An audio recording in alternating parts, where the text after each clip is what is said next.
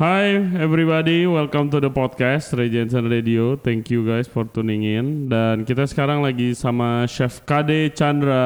What up, what up, what up? Oke, Kade chef owner dari restoran Maple and Oak and Yaba Izakaya dan dia juga punya a very successful knife bag business namanya Barong Indonesia. Boleh cek di Instagramnya nanti di description. So today kita akan ngomongin tentang background dia of course dari awal mula eh, sekolah masak sampai sekarang jadi chef restauranter suka duka dan challengesnya apa. Gitu dia oke, kali oke. ini. Oke, jadi langsung mulai ya bro. Gimana lu mulai sekolah masak?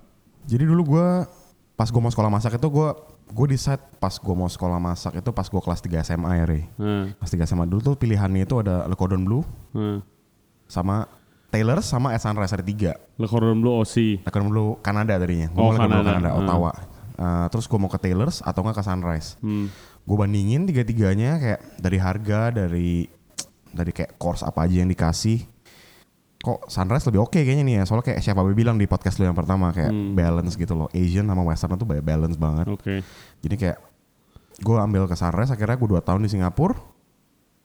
Ya, Sekolahnya tuh 2 tahun kalau Sunrise tuh. uh, untuk tempo sekolahnya tuh sebenarnya 17 bulan. Hmm. Tapi itu gue tuh sekolah full day 5 minggu se eh 5 hari seminggu itu cuma di tiga bulan pertama. Oke. Karena di bulan keempat itu gue udah mulai magang.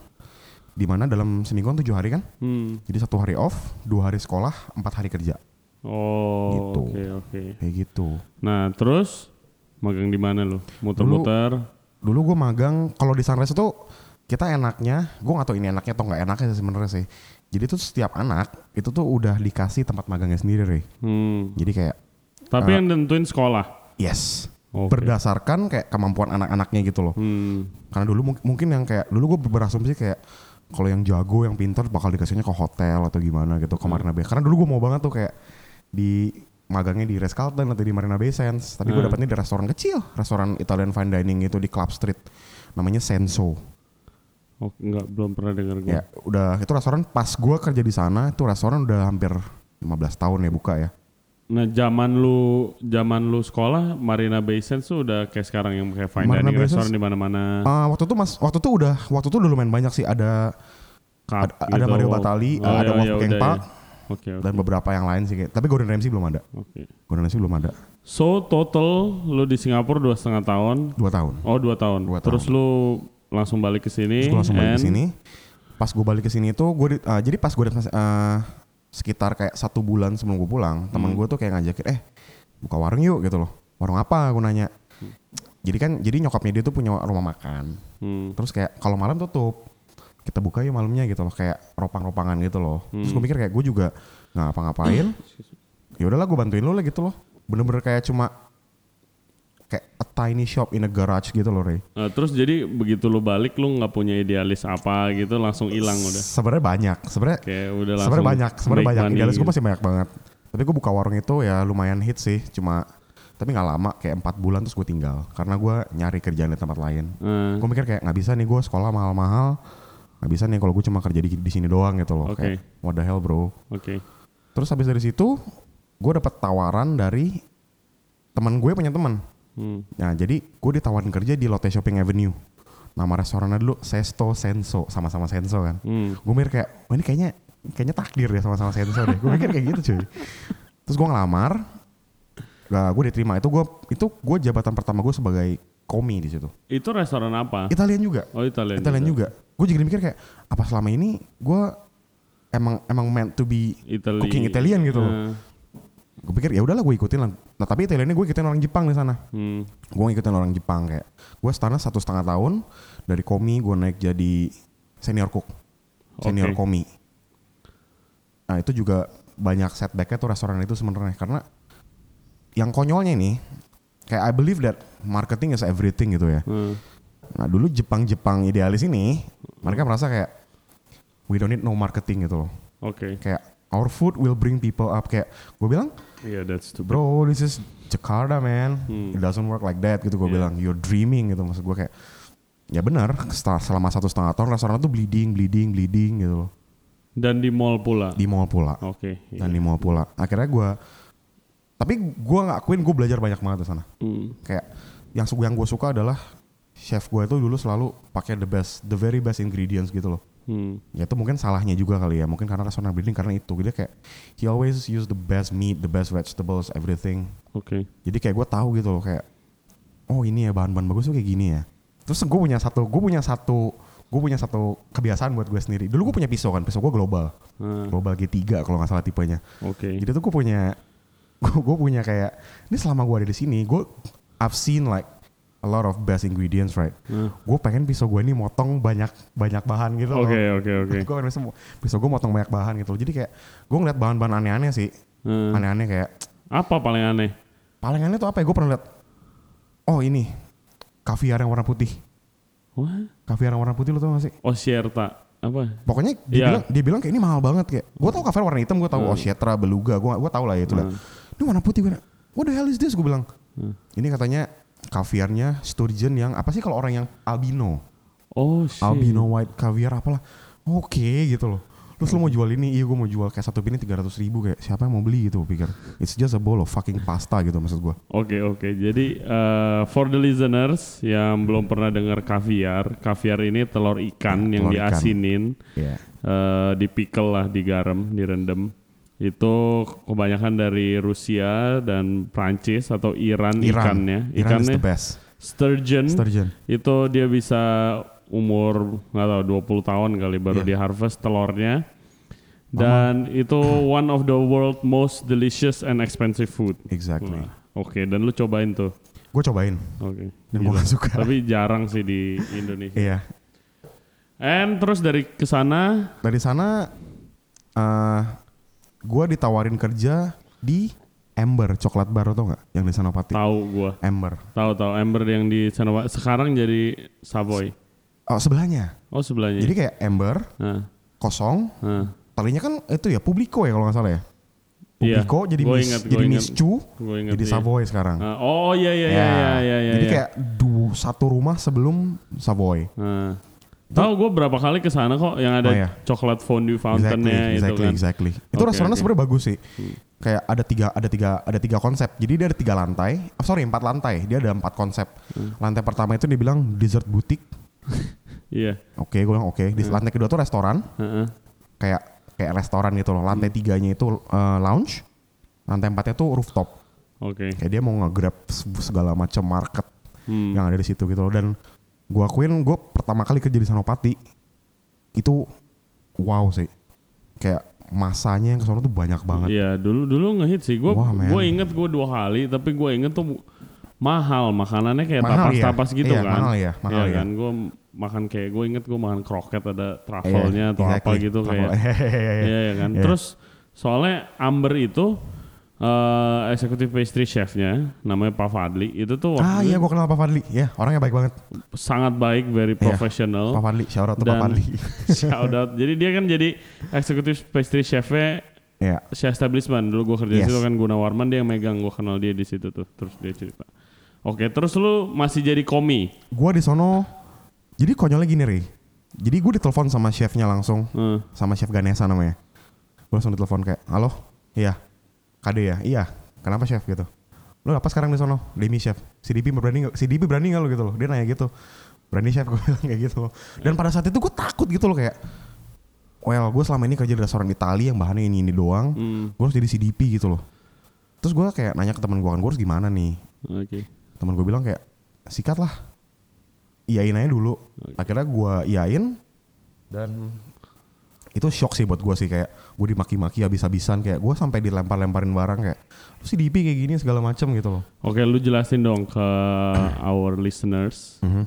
apa sih bedanya kalau udah jadi CDP CDP itu kan anggapannya kayak for those of you yang Ya. doesn't know the kitchen structure CDP dari chef de party chef de party itu berarti lu tanggung jawab satu section kan On satu one section, bagian ya. on one section idealnya jadi misalkan dari kitchen itu ada beberapa section mungkin ada grill ada saute ada salads Hmm. nah jadi CDP ini tuh masing-masing mengepalai dari section ini masing-masing itu idealnya begitu Iya idealnya. Idealnya Tapi kalau biasanya dapurnya kecil ya of course. Ya, ya udah lah langsung gitu. jadi Iya. basically supervisor lah. exactly supervisor supervisor, Apa tanggung jawab yang lu alamin yang bedanya nih tanggung jawab komi kan biasa Iya. technically biasa masak, paling bantu-bantu inventory atau order. The biggest Gimana? problem buat gue pas gue jadi supervisor atau CDP adalah gue punya anak buah. Hmm. Dan pada saat itu gue bingung gitu loh kayak gue bingung gue harus handle anak buah tuh kayak gimana. Hmm.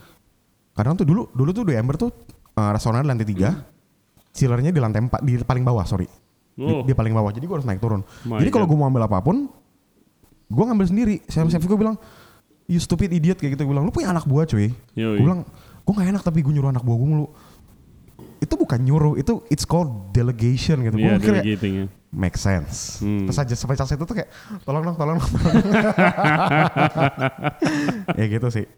Oke, CDP. Iya. Berapa lama di Ember? Dulu gue di Ember itu Tapi itu tempat buka nggak terlalu lama kan? nggak terlalu lama. Dia buka hampir setahun. Gue di Ember cuma enam bulan. Oke. And if I can be honest with you, the company itu Mount Scopus. Iya. Gue boleh nyebut merek sih di sini? Ya, whatever. Mount Scopus. Heeh. It's one of Gua the, gua taunya gua taunya kayak Harvest bukan sih? Ya, Iya, ya. iya. it's one of the worst company to work for. Kenapa? Kayak satu mereka tangan besi. Eh, Mereka tangan besi banget.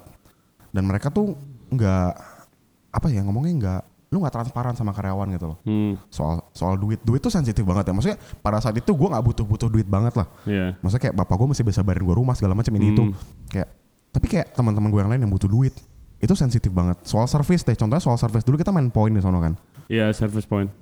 kalau idealnya service seper satu poin itu kan dikasih tahu dong berapa dong? Iya. lima ratus ribu sejuta berapapun itu udah dikasih tahu.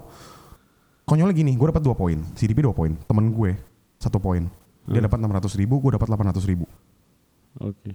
dan kalau misalkan gue ajuin itu ke HR gue malah gue gue diomelin Ri. kayak kenapa kamu buka-buka itu ke teman kamu gitu loh Oke. terus kayak yang bikin gue resign salah satunya adalah jadi di Mount Scopus itu they treat workers I mean they treat cooks and chefs like robots Hmm. seumur umur gue di sono kerja I've never tasted any of the food that I serve kalau lo tahu Kenapa? Nggak tahu kayak even kayak gini ya Tapi while you cooking kan lo of course lo taste Iya, nyobain maksud gue ya. kayak gue nggak pernah ngerasain satu piring gitu loh. Hmm. Kayak ini daging ada sausnya, ada purenya segala macam. Oh, food testing gitu. exactly. Nggak ada Oke. food testing buat cooks gitu loh. Meskipun chef gue, chef gue baik banget sama gue. Hmm. Chef gue tuh baik banget sama gue. Jadi kayak dia nyolong nyolongin segala macam gitu loh. Hmm, hmm. Terus tapi ya gitu sih. Jadi yang yang bikin gue resign satu adalah gue ngerasa gue nggak berkembang di sana. Oke. Gue merasa gue cuma ditreat sebagai worker.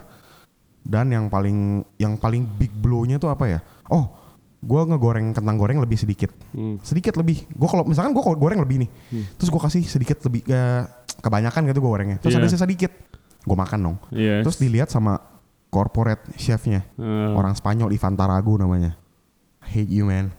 Terus kayak eh, service gue ditahan 6 bulan.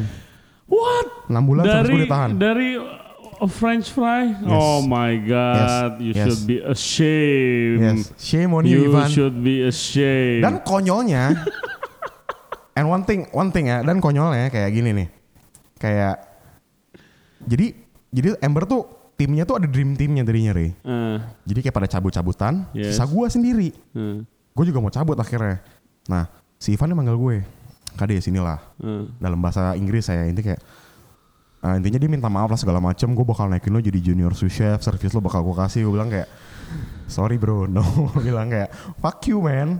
Lu udah ngeditch gue terus lu kayak ngangkat gue lagi gitu kayak big no bro. Gue juga punya harga diri gitu loh. Oke, oh my god. Terus lu di apa lu dikasih SP? Berarti SP2 dong kalau misalnya Gue nggak tahu tuh sistem dan regulationnya di sana kayak gimana. ma- Yang pasti kayak makan ketahuan fries. makan Oh my god. cuma satu biji kayak what is this bullshit? Dia bilang what is this bullshit? Oh segala macam kayak What chef gue masak kelebihan dan ini mau gue buang gue cuma makan satu Hmm. kayak this is not how we work man bla bla bla Terus french fries-nya yang udah digoreng kelebihan, yang harganya berapa sih paling? Exactly. Nggak bakalan Exactly. jadi miskin itu lah. gue pikirin kayak Terus- sepadan gak sih sama servis gue yang lu potong Heeh. gitu loh maksud gue loh ya nggak gitu lah caranya lah Oke, jadi meskipun pada saat itu ya gue nggak gue nggak gue nggak perlu duit bukan nggak perlu duit bukannya gue sombong ya tapi kayak Hmm. maksudnya gue nggak gue nggak membutuhkan duit sampai sebegitunya kayak teman-teman gue gitu Iya, tapi fair lah lu. Fair, ya, ya. lu kerja soalnya gue berdua bro kayak gitu gue ada dua satu manajer gue punya anak dua loh nggak dikasih servis selama enam bulan gimana coba Gara-gara apa? Makan french itu barengan sama gue gue pak ini pak kayak what the fuck man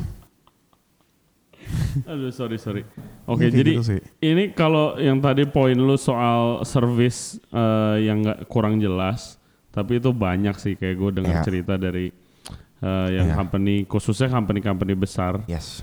eh, I don't want to mention names, tapi kayak company-company besar sering kayak ngambil eh, potong duit service buat contoh ngehidupin headquarternya. Oh iya, It- Iya kan? that's what that's what the company do man. Oke oke ngehidupin headquarter. Jadi kan of course any company perlu office buat ngeran kan Yes, ada yes, misalnya yes. orang marketingnya bos-bosnya Yes. di situ. That office is not actually making money Yes, karena yang correct, making money correct. restorannya jadi digajinya diambil dari service-service atau eh, ya buat strategi-strategi yang lain lah kalau misalnya mau beli barang baru atau ya buat muterin Correct. duitnya biasanya dan it's wrong. Mestinya service itu 100% ke Oh, staff kalau kalau di Atau company, kalau di company gue, kerja. ya. Kalau di company gue, yang sekarang. eh, yang sekarang di Maple Iya. dan Niabai, gue potong 20% untuk loss and breakage. Iya. 80% untuk dibagi-bagiin. Tapi gue selalu transparan karena gue suruh manajer gue, gue punya manajer dua. Hmm. Lu hitung lu jamblangin deh biar anak-anak tahu per harinya berapa. Dan gue berlakukan potong service itu Hmm. kalau mereka madol dan sakit. Iya, iya. Dan itu bukan bukan gue makan, gue kasih ke yang lain. Yes, yes, kayak gitu. yes. Ya, Gua- itu. Karena gue exactly. pernah ngerasain kayak betapa nggak adilnya kalau service tuh diambil gitu loh. Jadi kayak buat apaan? Gue ngambil rezeki orang gitu. Hmm. Ya. Dan kalau untuk listeners tahu juga ya, yang bayar service tuh bukan company kan, itu Iya. customer yang bayar Iya, sebenarnya itu gitu. loh. customer yang bayar. Jadi kayak gue sebagai perusahaan gue nggak mau lah ngambil hak yang jadi Hmm. yang jadi hak karyawan gue gitu sih Ray. Ya LNB, gitu. LNB ngerti kalau ada banyak dulu gua kalau fees itu service dikasih semua 100% ke staff yang kerja. Ya. Kalau LNB kalau nggak salah diambil dari omset kita Oh, sedain Oke. berapa persen. Lo ambil dari omset ya. dari berapa persen. Anyway gitu lah. Tapi LNB kan loss and breakage jadi kalau ada yang pecah, kalau ada Ya. yang rusak belum tentu ada lah setiap Ya. bulan. Oke oke. Lanjut. Lanjut. Abis Dari lu pengalaman amazing di Amber, Mhm. lalu ke mana? gue ke Queenset. Hmm. Nah Queenset juga Club kan? Di- Jadi lucunya gini Re, Queenset Kemang kan? Kemang, Kemang, Kemang. Queenset itu pas gue ke Queenset pertama kali kayak What the hell man, ini tempat gede banget. Lu pernah ke Queenset kan? Belum. Gede banget tempatnya. Hmm. Gue sampai masuk gue bingung kayak Elinya kecil, lu berasa masuk ke Empirika zaman dulu tuh gak sih yang gede Hmm. Oh. banget gitu. Masuk Empirika gitu loh. Hmm. Kayak gede banget tempatnya gede banget. Jadi tuh gue ditarik ke sana sama namanya Chef Blake Thornley. Dia tuh mantan sous chefnya Mosaic Restoran. Dia dulu, dulu dia ikut Chef Chris Silence Oke. lama gitu loh. Gue ikut dia kayak jadi kayak dream teamnya Amber nih diambil sama dia ceritanya nih. Hmm. Diambil sama dia. Terus oke di Amber kita bikin kita bikin eh, kita bikin menu ini ini ini ini segala macam dibawa ke Queenset kan. Hmm. Kita brainstorming segala macam ini itu, tapi turns out doesn't work. Turns out doesn't work kayak Queenset eh, Queenset pada saat itu lebih orang lebih ke sana lebih ke buat minum. Iya ke minum lah. Lebih jarang minum. restoran yang kayak kalau lu minum tapi makanannya Kayak jalan tuh, jarang. Dulu tuh sedikit cerita dulu pernah omset 1 miliar Hmm. sebulan. 950 juta tuh dari bar. Yes. 50 juta cuma dari kitchen. Iya tapi ya it's quite common lah kalau lu Iya. tempat biasa kan milih. Iya. Sekarang milih lu either tempat ini tempat minum atau tempat makan. Dan Iya. biasanya kalau lu omset MM-an biasanya tuh tempat minum. Maksudnya Iya. alkoholnya pasti Iya, jalan. Oke exactly. oke. Terus eh, dari situ things begin to get sour gitu loh kayak. Hmm. Di sana jabatan lu apa CDP lagi? Di sono gue senior CDP. Senior Di CDP. sini gue senior oke. CDP. Di sono gue senior CDP. Hmm. And pada saat salesnya nggak bagus, things began to get sour gitu loh kayak. Hmm.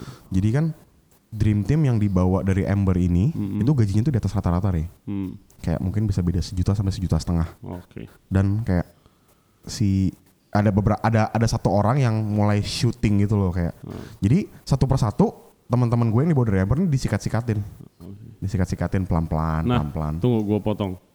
Emangnya Amber ini uh, they create a dream team nih si chefnya. Iya. Terus emangnya konsepnya eh enggak sorry Queen's Head. Emangnya konsepnya tadi mau apa? Gimana? Makanannya Di mana? Di Queen's Head. Nah, Queenset itu tadinya tuh dia tuh British pub gitu loh kayak jualnya kayak like a boring steak and ale pie, fish and chips kayak gitu. Dan dari awal tuh salesnya nggak bagus makanannya kan. Masuklah si Blake ini as a consultant Oh supaya naikin supaya naikin ganti menunya. Menunya tuh diganti kayak menunya mozaik. Kayak yang apa sih dark breast, beetroot puree segala macam gitu-gitu lah yang aneh-aneh lah pokoknya lah ya. Ah, yang ya, yang menurut gue lah, yang menurut gue nggak kena sebenarnya Ah, kayak yo, Jakarta nggak kena. nggak kena. Mm-mm. Terus nggak bisa juga sama si Blake ini pelan-pelan nih disikat-sikatin nih untuk alasan apa pun. Tempat pertama teman gue karena nggak masuk sekali. Udah lu gak usah masuk lagi gini gitu. Terus gue for the truth gue pernah dipecat sekali. Iya. Gue pernah dipecat sekali. Please elaborate. Jadi gini. Jadi dulu gue punya sous chef. Gue gak usah sebut namanya lah, apa gue sebut Iya, namanya. Nggak usah jangan. Gue punya sous chef namanya. ya lu tau lah siapa lu lah. Sous chef itu wakil chef. wakil uh, wakil head chef. ibaratnya Oke. dia number two ya. Number dia number two two. lah, ah. kitchen dia number two. Dia jadi pada saat itu gue lagi mak, gue lagi lapar banget. Terus gue lagi teman gue baru bikin salmon bagel, Eh, salmon bagel. Terus gue makan, lu makan lagi. gue makan kayak enggak maksud gue kayak dia lagi emang lagi ada lebih terus gue makan gitu loh. Iya, Terus iya. dia ngeliatin gue, gue nanya, Mas mau nggak Eh, for the untuk untuk diketahui juga kayak gue tuh punya respect gede banget sama ini orang. Dia Hmm. bekas ikut Will Merrick dulu. Skill Asiannya jago banget. Gila dream team bener-bener Beuh, ya jago. itu ya. Jago. Terus kayak gue nanya, "Mas mau makan nggak?" Hmm. "Ah, enggak deh, makasih udah. Oke beneran ya, nggak lapar mas gitu. Ya udah, gue gue nawarin gitu for the sake of lu udah makan belum? Gue kasih lu nih lo, mau nggak Hmm. kita bagi dua? Satu gue ngabis. Terus besokannya eh gue lagi off kan. Jadi ada satu best friend gue dari anak UPH ikut gue ke Queen Set juga. Dari Hmm. Ember ikut ke Queen Set. Dia kasih tau gue telepon gue sore-sore. Dek, lu jangan meledak-ledak dulu ya. Lu habis diomongin nih barusan sama si Pip gitu lah. Hmm. Sama si inilah intinya lah. Eh, Terus kayak gue langsung kayak ngomongin soal apaan? Gue salah apa gitu loh? Soal lu makan bagel kemarin gue langsung gue langsung naik darah dong. Kemarin gue nawarin lu, lu nggak mau lu nggak mau makan, terus lu nyepuin gue gitu. Lu sous chef gue loh. Lu bisa yang kayak deh jangan kayak gitulah. Gue lebih terima bro. Terus lu ngadu ke atas gitu kayak what the fuck man? Iya iya iya iya. Itu langsung gue bombardir ya lah di grup kayak lu maksud lu apa segala macam gini gitu. Besok gue karena gue lagi gue gedek Panas gitu loh. ya. Gue panas lah, gue panas. Kayak lu sous chef gue loh mas, gue bilang. Lu berhak kalau ngomong sama gue loh. Kalau lu komi gue, lu ngaduin gue, gue wajar gitu loh. Iya. Lu sous chef gue, kok lu maki-maki gue juga gue terima karena gue salah gitu loh. Hmm. Dia lu kenapa ngadu ke dia? Lu pengen lu pengen gue di, pengen gue disingkirin gitu. Bilang aja gue bilang. Besoknya gue masuk, gue dipanggil sama si Black. Sorry you're out, I'm out. Pada saat dipecat itu gue nangis Eh, di depan HR di depan chef tuh gue nangis kayak gue tuh gue tuh mikir kayak gue tuh dipecat karena gue not good enough kah gitu loh Iya. kayak gitu tapi kayak ya gue gue keep on believing kayak gue gue dipecat karena gue not good enough gue nggak bagus gue bagus juga nggak kerja itu gue break setahun Heeh. itu gue break setahun gue ngerjain barong gue break setahun kayak gue mencari Gimana? How does it feel tuh? Berat sih maksudnya udah bisa dipecat kan Iya. Ya, berat sih Berat. berat Oke. Berat. Iya, Oke. How Berat. do you uh, get yourself up? Habis. tapi kayak ya gue trying to stay positif aja sih gue kayak gue lihat-lihat gue lihat gue lihat-lihat kayak di internet kayak gimana sih lu kalau habis dipecat lu gimana sih kayak sesimpel itu ada dulu WikiHow kan Hmm. how to deal with yourself after you get fired gue sampai baca itu loh gue sampai baca itu loh Iya. kayak akhirnya kayak gue try to be positif aja Hmm. Terus kayak waktu itu ada ya ada orang lah yang support gue dari belakang gitu loh. Hmm. support gue dari belakang segala macam. Kayak lu lu oke kok. Ada teman gue sahabat gue lu oke kok lu nggak ini lu emang mereka aja yang asshole segala macam. Hmm. ya gitu gue break setahun gue mikir kayak kayaknya gue gak akan jadi kitchen lagi deh gitu loh. Gue gak ada kesempatan lagi ke jadi kitchen. Lagian mau ngapain juga lah. Gue malas ntar masalah lagi problem lagi. Ibaratnya gue trauma gitu loh Re. Hmm. karena dunia kitchen itu for the sake yang gak tahu dunia kitchen itu penuh sama ular juga sih. Lu pernah Oh ngerasain lah pasti lah.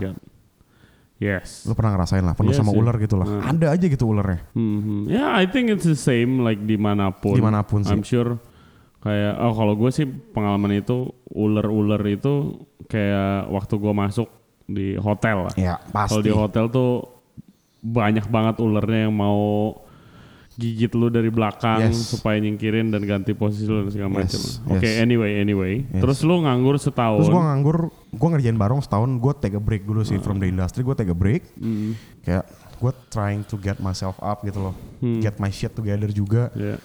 sampai satu hari gue mau ke Singapura Hmm, ini ini ini ini momen life changing gue sih menurut gue sih Oke. kayak sampai satu hari gue mau ke Singapura gue lagi di airport gue lagi di Starbucks Hmm, gue ketemu sama Astro Astro Lem ya. sama Adit. Hmm, Aditya Muskita gue nanya Oke. eh bro apa kabar? Gitu.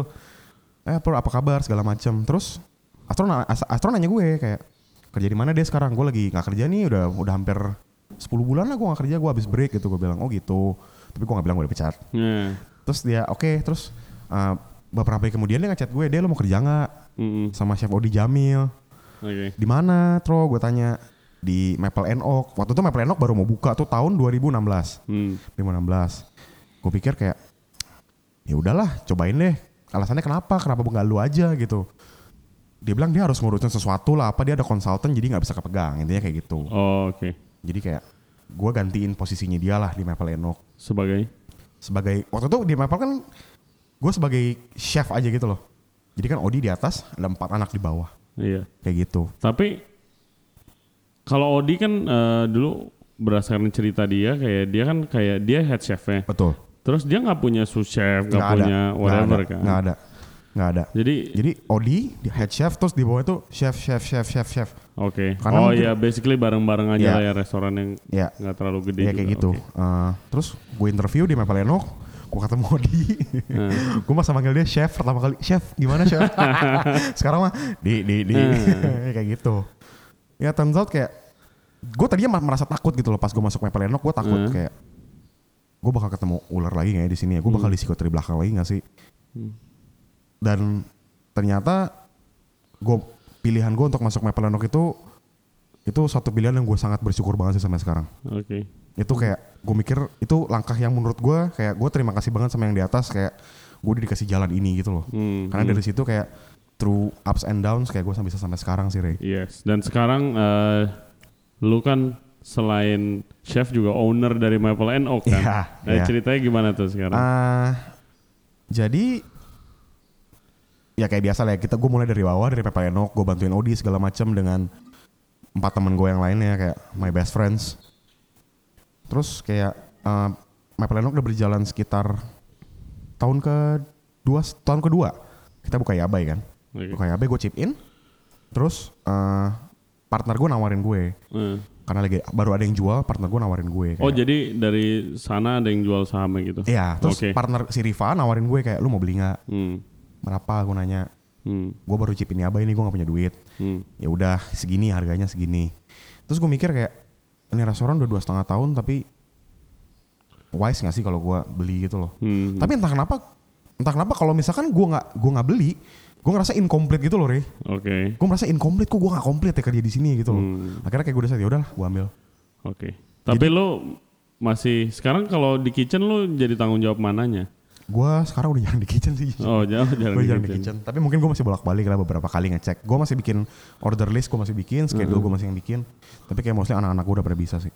Oke. Iya. Oke. Nah terus gimana? Apa yang bedanya lu dari staff? Lihat owner dan bos-bos lu banyak yang ular atau apa segala macam. Nah sekarang Oh. lu yang ada di posisi Iya. Gue merasa bersyukur gue mulai dari bawah sampai atas ya. Karena kalau gue ngeliat di Jakarta ya, gue lu ngerasa kayak gini gak sih kayak banyak tempat yang ownernya itu bukan basic F&B. yes. Jadi mereka kayak they don't know what the fuck they're talking about man. Hmm. Kayak gitu loh. Jadi kayak kadang-kadang maunya ini dong, maunya ini, tapi lu cuma kasih kitchen kayak gini gitu loh. Iya. itu itu udah problem banget kan. Iya. Ada yang berasa mungkin yang lagi dengar. Oke oke. Ya, Terus kayak terus. gitu. itu itu udah problem banget. Gue merasa kayak Hmm. tapi beruntungnya di Maple dan di Abai kayak kita semua tuh ada basic F&B. Hmm. Jadi kayak we we know what we are doing gitu loh. Iya. Dan gue bersyukur juga kayak gue bisa reflect kalau misalkan gue harus misalkan gue harus bikin kebijakan sesuatu gitu. Gue bisa reflect kayak kalau gue di posisi mereka gimana sih. Hmm. Jadi kayak gue bisa ngelihat dari dua sisi aja sih Ray. Oke. Kayak dulu uh, I used to hate my owner so much gitu loh kayak Hmm. lu kenapa sih kayak gini, Lu kenapa sih kayak gini, kenapa sih kayak gitu. Even soal dulu sama chef gue sama soal plating, plating tuh harus sama gini gitu. Tapi kan kita chef, tapi kan Harus kita harus berkreasi segala macem. Yoi. Ternyata itu ada alasannya semua, Iya. konsistensi segala macem Hmm. kayak gitu. Kenapa soal cost segala macam ini itu? Ya gue lebih bisa ngelihat itu sih. Gue lebih bisa ngelihat itu sih. Kalau dulu ibaratnya kayak gue matanya ditutup kayak kuda gitu loh. Tapi sekarang kayak oh gini ternyata gitu loh. Oke, jadi eh, ya kalau dari gue sendiri, pertama kalau udah jadi owner, ya itu kan lo harus lihat bo- bottom line lah. At Exactly. the end of the day, it's all about making money. Exactly. Ya kan punya Exactly. restoran rame Yes. full terus, restoran rame itu belum tentu untung. Ya. Restoran sepi belum, Belum tentu, tentu rugi. rugi. Nah ini Betul. uniknya this F&B bisnis gitu kan. Jadi kayak untuk belajar manaj manajemennya yang perlu terus menjaga konsistensi, Ya. menjaga cost, Mm-mm. ya kan, dan segala macamnya. Tapi menurut gua paling susahnya itu orang, SDM. SDM, HR. bukan eh, dan gue yakin di sini bukan dari Indonesia aja tapi di seluruh dunia Di mana pun. gitu loh jadi kayak kalau di sini susah gue itu susah gue kayak ya gue ngerti kayak ada beberapa anak buah gue staff-staff gue itu yang kayak gue banget dulu waktu masih jadi Iya, iya, iya, iya. cook gitu loh Gue pernah ngerasain kayak nggak bisa dibilangin Iya, nggak bisa dibilangin bandel, marah-marah Ba- mulu bandel marah-marah mulu Gue kayak ngeliat, ini gue pas kecil dulu kayak gini gitu loh. Iya, iya. Kayak gitu. Oke, nah terus lo ada cerita gak pengalaman apa lo yang interesting waktu lo jadi bos? Udah pernah mencat orang? Eh kebetulan gue baru mencat orang. Hmm. Kayak sebenarnya sebenarnya berat sih mencat orang sih. Oke. Tapi kayak Indian, you're running a business bro. Kalau misalkan emang gak cocok, dia atau he or she bukan seorang yang lu cari, Hmm. ya ya udah gitu loh. Bye bye. Dan mencat orang pun kayak gue mencat masih secara hormat kok kayak gue masih mencat masih secara hormat. Oke lu sampai tanggal segini ya supaya gaji lu full Iya. dan gue minta surat resign Hmm. dan gue bakal kasih surat referensi kalau lu mau. Hmm. Intinya kan kayak ya berarti itu mencat sih cuma masih masih penuh dengan penuh hormat gitu loh bukan dengan tidak hormat kuat lo gitu kan enggak Iya. gitu mencat orang pernah berat sih tapi makin di sini kayak ya udahlah tapi tergantung juga kalau misalkan orangnya yang kadang mencat orang tuh kan bisa ber- berlaku dua ya kadang satu orang yang attitude-nya jelek Yes. udah berarti udah goblok bego Hmm. attitude jelek gak bisa kerja mandul mulu itu Iya. dengan senang hati gue pecat Iya. lu tanya Jody Jody senang banget tuh mencat orang kayak gitu tapi kalau misalkan kayak yang soal soal apa ya misalkan orangnya baik-baik aja servi ini beratnya kayak gini nih kerjanya bagus Hmm. tapi attitude-nya jelek Hmm. itu gue bingung harus gimana Yes. kayak gitu sih Iya. tapi Indian it's all about attitude kan kayak gitu Gua pernah punya staff divisi ini kejadian waktu baru buka. Excuse me. Bagus, kerjanya bagus banget. Makanan kawannya konsisten. Tapi setiap weekend izin acara keluarga coy. kayak gue tahu deh siapa nih gua bingung banget gila gimana ini gimana ya akhirnya ya Iya. secara terpaksa ya Iya. perlu dikat karena basically kita perlu orang buat kerja di weekend Iya. weekend tuh paling Iya. rame di restoran tapi gue kalau kayak gitu gue gak menutup kemungkinan kalau gue selalu bilang dulu gue pernah macet satu anak kayak gitu juga deh kerjanya bagus tapi itu tuh jelek. Gue bilang kayak gue gak menutup kemungkinan gue bakal hire lu lagi suatu saat. Tapi you have to get your shit together dulu gitu loh. Hmm, gitu aja sih. Oke oke. Terus ngomongin apa lagi kita? Barong. Barong. Gimana? Barong. Barong Indonesia ini eh, jual knife bag atau Ya. chef roll bisa lihat di Instagramnya barong B A R O N G Indonesia. masa harus di spell juga Indonesia Iya. kan enggak ya. Indonesia. Jadi gimana lu mulainya ini interesting Ah. sih. And sekarang gue lihat-lihat udah go internasional kan. sebenarnya udah lama Kongres sih bro.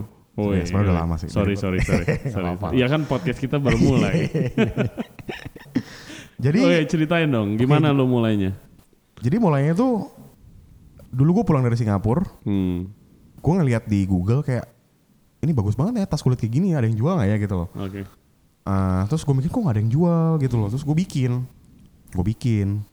Terus kayak teman gue bilang bagus tuh jual dong jual dong gitu loh. Saya mulai dari situ aja sih.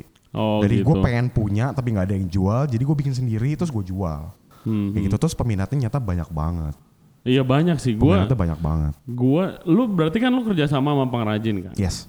Iya gue kan? punya pengrajin Oh lu hire Gua punya pengrajin pengrajin sekarang? sendiri, gua oh pengrajin gitu. sendiri. Gua, gua, gua pikir lu kerja sama gua sama pengrajin pengrajin penyama kulit gitu. Enggak. Tadinya iya. Hmm. Tapi karena cost wise segala macam itu enggak nggak wise ya. Maksudnya kayak nyari di mana pengrajin kulit yang lu mau Dari- hire gitu? dari pertama pasti dari tukang bokap gue sih. Kebetulan tukang bokap gue tuh orang Jawa Barat gitu ya. Hmm. Jawa Barat kan terkenal banget kan kayak Iya, tukang cukur, tukang kulit, Iya. ya, sama tukang pijet. Iya. Jawa Barat.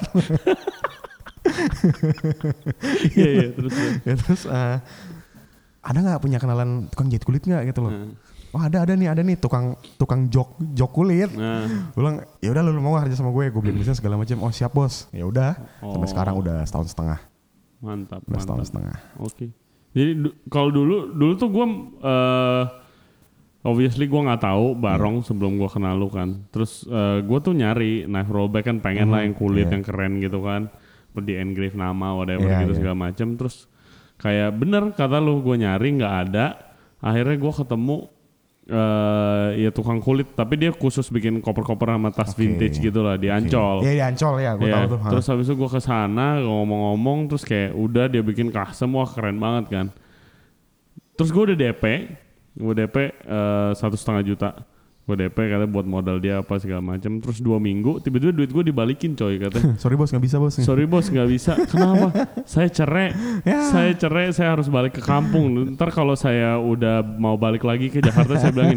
Sekarang udah enam tahun gue belum ada kabarnya mas. Berapaan barong satunya? Gue bisa custom gak sih? Kalau custom dalam dalam artian custom apa nih? Custom kayak misalnya oh kalau di engrave kan bisa lah nih gue Oh nih. bisa. Oh kalau custom design ya. Misalnya oh gue mau pisau gue nih ada 15 Oke. gitu misalnya gue mau ada 15 slot misalnya Oke. atau gue mau ada kompartemen ekstra di sebelah sini gitu Oke. misalnya itu bisa juga Eh, Sebenarnya banyak sih yang nanya bisa custom nggak? Hmm. Gue bilang dalam artian gue kayak definisi custom lu tuh apa sih gitu loh? Hmm. Kayak salah satu yang gue merasa gue merasa unggul di Indo, di jualan kayak gini karena Hmm. Gue adalah market gue sendiri gitu loh. Iya Gue adalah market gue sendiri. Jadi kayak gue tahu gue harus bikin kayak apa sebenarnya. Hmm. Jadi gue punya 8, 10 sama 16 slots. Hmm. Kayak bilang kalau lu punya 15 pisau, gue ada 16 slots, lu punya 8 pisau, gue ada 10 gitu loh. oke Kayak gitu. Enaknya ya kayak jadi gue tahu kayak enaknya tuh dipakai gimana dan berapa sih sentimeternya tuh berapa gitu loh. Hmm. Yang gue perhatiin kebanyakan saingan-saingan gue di luar negeri itu kayak gue ngeliat desainnya bukannya gue menjelekan ya. Desainnya bagus. Kulitnya bagus. Satu kulitnya bagus tapi gue ngerasa desainnya kok kok ada yang aneh gitu ya. Hmm. Bukan gue ngejelekan tapi kayak ini pasti bukan chef nih yang bikin. Karena dia nggak tahu apa butuhnya gitu loh. oke Gue merasa gue diunggulkan karena ya itu gue tahu apa yang gue butuhin gitu loh. Market gue adalah gue sendiri sebenarnya. Hmm. Jadinya sebenarnya enak sih. nah terus udah ke mana aja nih Hmm, ke mana aja ya? dikirim Kayak waktu itu gue liat Instagram lu ada yang Australia Dubai Iya. Kalau Dubai, Dubai tuh tiap bulan pasti ngirim. gila Dubai tiap bulan kalau minimal tiga. Nah, Yang paling, gue sebut yang paling banyak aja ya. Paling banyak tuh Kuala Lumpur, eh, Malaysia, Dubai, US, Kanada, Australia. Iya. Turns out kayak gue mikir, aduh nggak mungkin lah orang beli tas gue dari Amerika jauh banget, ongkos kirimnya mahal. Hmm. Dan turns out kayak banyak banget, Rey. Kayak soalnya gue udah soalnya gue udah set harga di mana udah sama ongkir pun gue tetap lebih murah daripada punya dia gitu loh. Hmm. Dan problemnya problemnya orang-orang yang jualan tas kulit kayak gini, mereka terlalu idealis kayak oh ini handmade apa namanya ka- apa artisan jualnya 4 juta kayak bro gue tahu lah gajinya chef tuh berapa gitu loh. Iya. Mereka nggak bakal mau bayar 4 juta untuk for the for a knife roll gitu maksud gue loh. Hmm. Gue sendiri pun nggak mau, gue yakin lu juga nggak mau sih Iya. 4 juta gitu loh kayak it's too much lah maksud gue lah ya. Kalau mungkin sejuta setengah orang masih mau lah, masih mikir gitu loh. 4 juta too much sih. Ya gitu kayak kebanyakan saingan gue jualnya 4 juta, 6 juta. Ya nggak masuk akal sih. Jadi gue mainnya harga, main gue main bawah aja deh. Tapi yang penting laku banyak gitu loh. Tanpa mengurangi kualitas Oke. gitu. Ya kalau gue sih masih pakai yang dari sekolah gue zaman dulu dikasih gratis. yang kodon dulu. Iya. Oke gitu. oke. Nah terus barong lu mau kembangin ke mana lagi? Barang untuk sekarang sih gue udah ada rencana pengen rebranding. Gue pengen benerin brandingnya segala macam. Terus gue pengen bikin website. Terus gue kayaknya mau mulai stokin sih. Karena sistem gue PO kan selama ini kan. Hmm. Sistem gue PO kayak jadi kayak custom made to order. Jadi barangnya tuh nggak numpuk gitu loh. Tapi gue mau mulai stokin sih. Jadi kalau misalkan ada orang butuh butuh buru-buru, butuh buru-buru buat kado. Karena karena sering banget buat kado. Oh, Misalkan oke. kayak chef di sini, bang bule punya istri orang sini kayak, mas mas saya butuh cepet nih tanggal segini nih. Waduh saya lagi nggak ada stok nih mbak gimana ya? Akhirnya mereka harus kompromis dengan ngasihnya telat. Oh, Tapi tapi gue selalu bilang kayak, mbak ngasih ini meskipun ngasihnya telat dua minggu dia pasti seneng mbak. Dan ternyata seneng gitu loh. iya, iya, iya. Pasti seneng gitu. Tapi gue mau mulai stok sih gitu sih. Oh, oke. Itu aja. Karena gue masih sistem PO selama ini. Nice man. Terus gimana ya bay? Yabai, Yabai ada,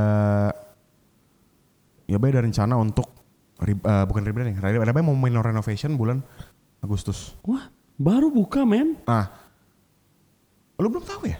Kenapa? Lu belum tahu ya? Belum. Jadi karena gua dari awal gua merasa Yaba itu nggak ada benang merahnya gitu loh kayak Hmm, benang merah tuh nggak kuat. ya. Kayak as a brand, kalau ngomongin produk orang suka semua lah.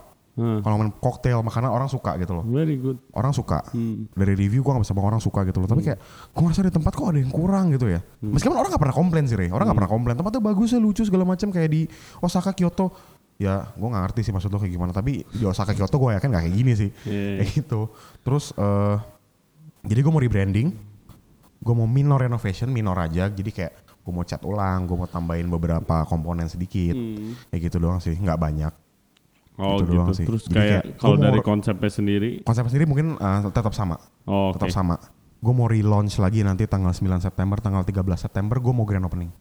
Oh, Baru oke. datang ya? Yo pasti, Baru pasti. datang ya. Terus kayak berarti sekarang yang lu bilang benang merah konsepnya ini Hmm. mau jadi apa emangnya? eh lebih kayak gini loh. Sekarang tuh brandingnya, branding dari dari branding sama interior design sama kayak menu sama kayak segala macam tuh nggak ada berski, dari dekor dekornya tuh nggak berkesinambungan gitu loh Re. Jadi gue pengen tarik satu garis lurus kayak udah loh nih setel kiblat gitu loh. Sekarang tuh kayak ibaratnya kayak acak adut acak adut gitu. Oh, kayak gitu. Hmm. Mungkin mungkin orang yang ke sono nggak ngerasain kali ya, tapi gue yang di sono dari tempat itu nggak ada gue ngerasain sih.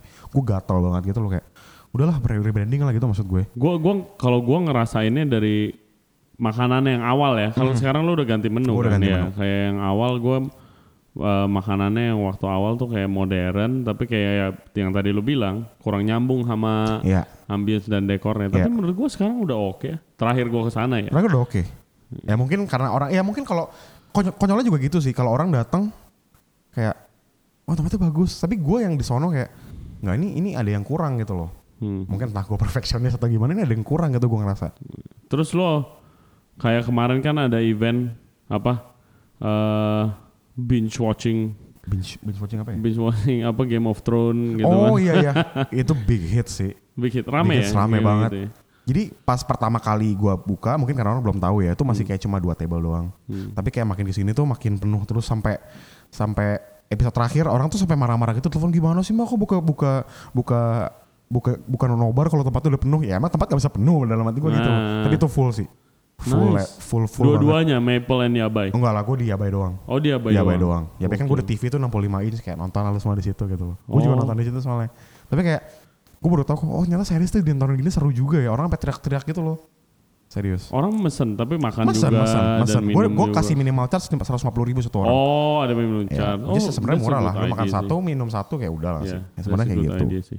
Nice. Iya sekarang kayak acara-acara di Iya. restoran and bar tuh udah mulai get creative Iya, and unique. Iya, menurut gua. unique. Kayak kemarin gue Jumat diajak eh, sama Jody ke bar namanya Cafe Biria ya. Cafe Birian. Cafe Biria. Cafe Birian atau Cafe Biria gitu. Itu di, di belakang jalanan di belakang Fish kan. Restoran gua. Kayak dia punya kayak acara setiap hari Jumat, which is ini gua rasa jadi akan jadi tempat reguler gua hari Jumat karena gue suka banget acara. Jadi kayak dia ada local brewer-brewer gitu. Oh yang gue liat main Instagram lu ya? Oh, iya, oke, local oke, oke. brewer-brewer ada Interesting, kayak interesting. masing-masing bikin beberapa jenis bir dan mereka hangout di sana juga. Terus kayak ya jelasin aja birnya, semua bir rasanya totally different. Harganya kisaran berapa nih? Ada yang paling murah, ada yang 65, yang paling mahal dan yang enak banget. Kayak dia bikin macam kayak gini gitu. Mhm. Eh 150 ribu. Oke lah. Terus kayak brewernya, ya brewernya masing-masing di sana. Ada yang orang Mhm. bule, ada yang orang Singapura dan semuanya tinggal di Jakarta. Cafe Birian ya. Kayak dan Kemarin gue liat tuh seru very kayaknya. interesting sih, Ya. very interesting yang kayak ya something different lah. Mhm. Itu menurut gue bagus banget sih. Gitu. Oke, lu ada yang mau diomongin lagi, Kade? I think that's enough for today sih. Oke guys, uh, Alright. for listeners, thank you for tuning in dan udah dengerin our stories. Uh, please check out our YouTube channel, Ray Jensen Radio.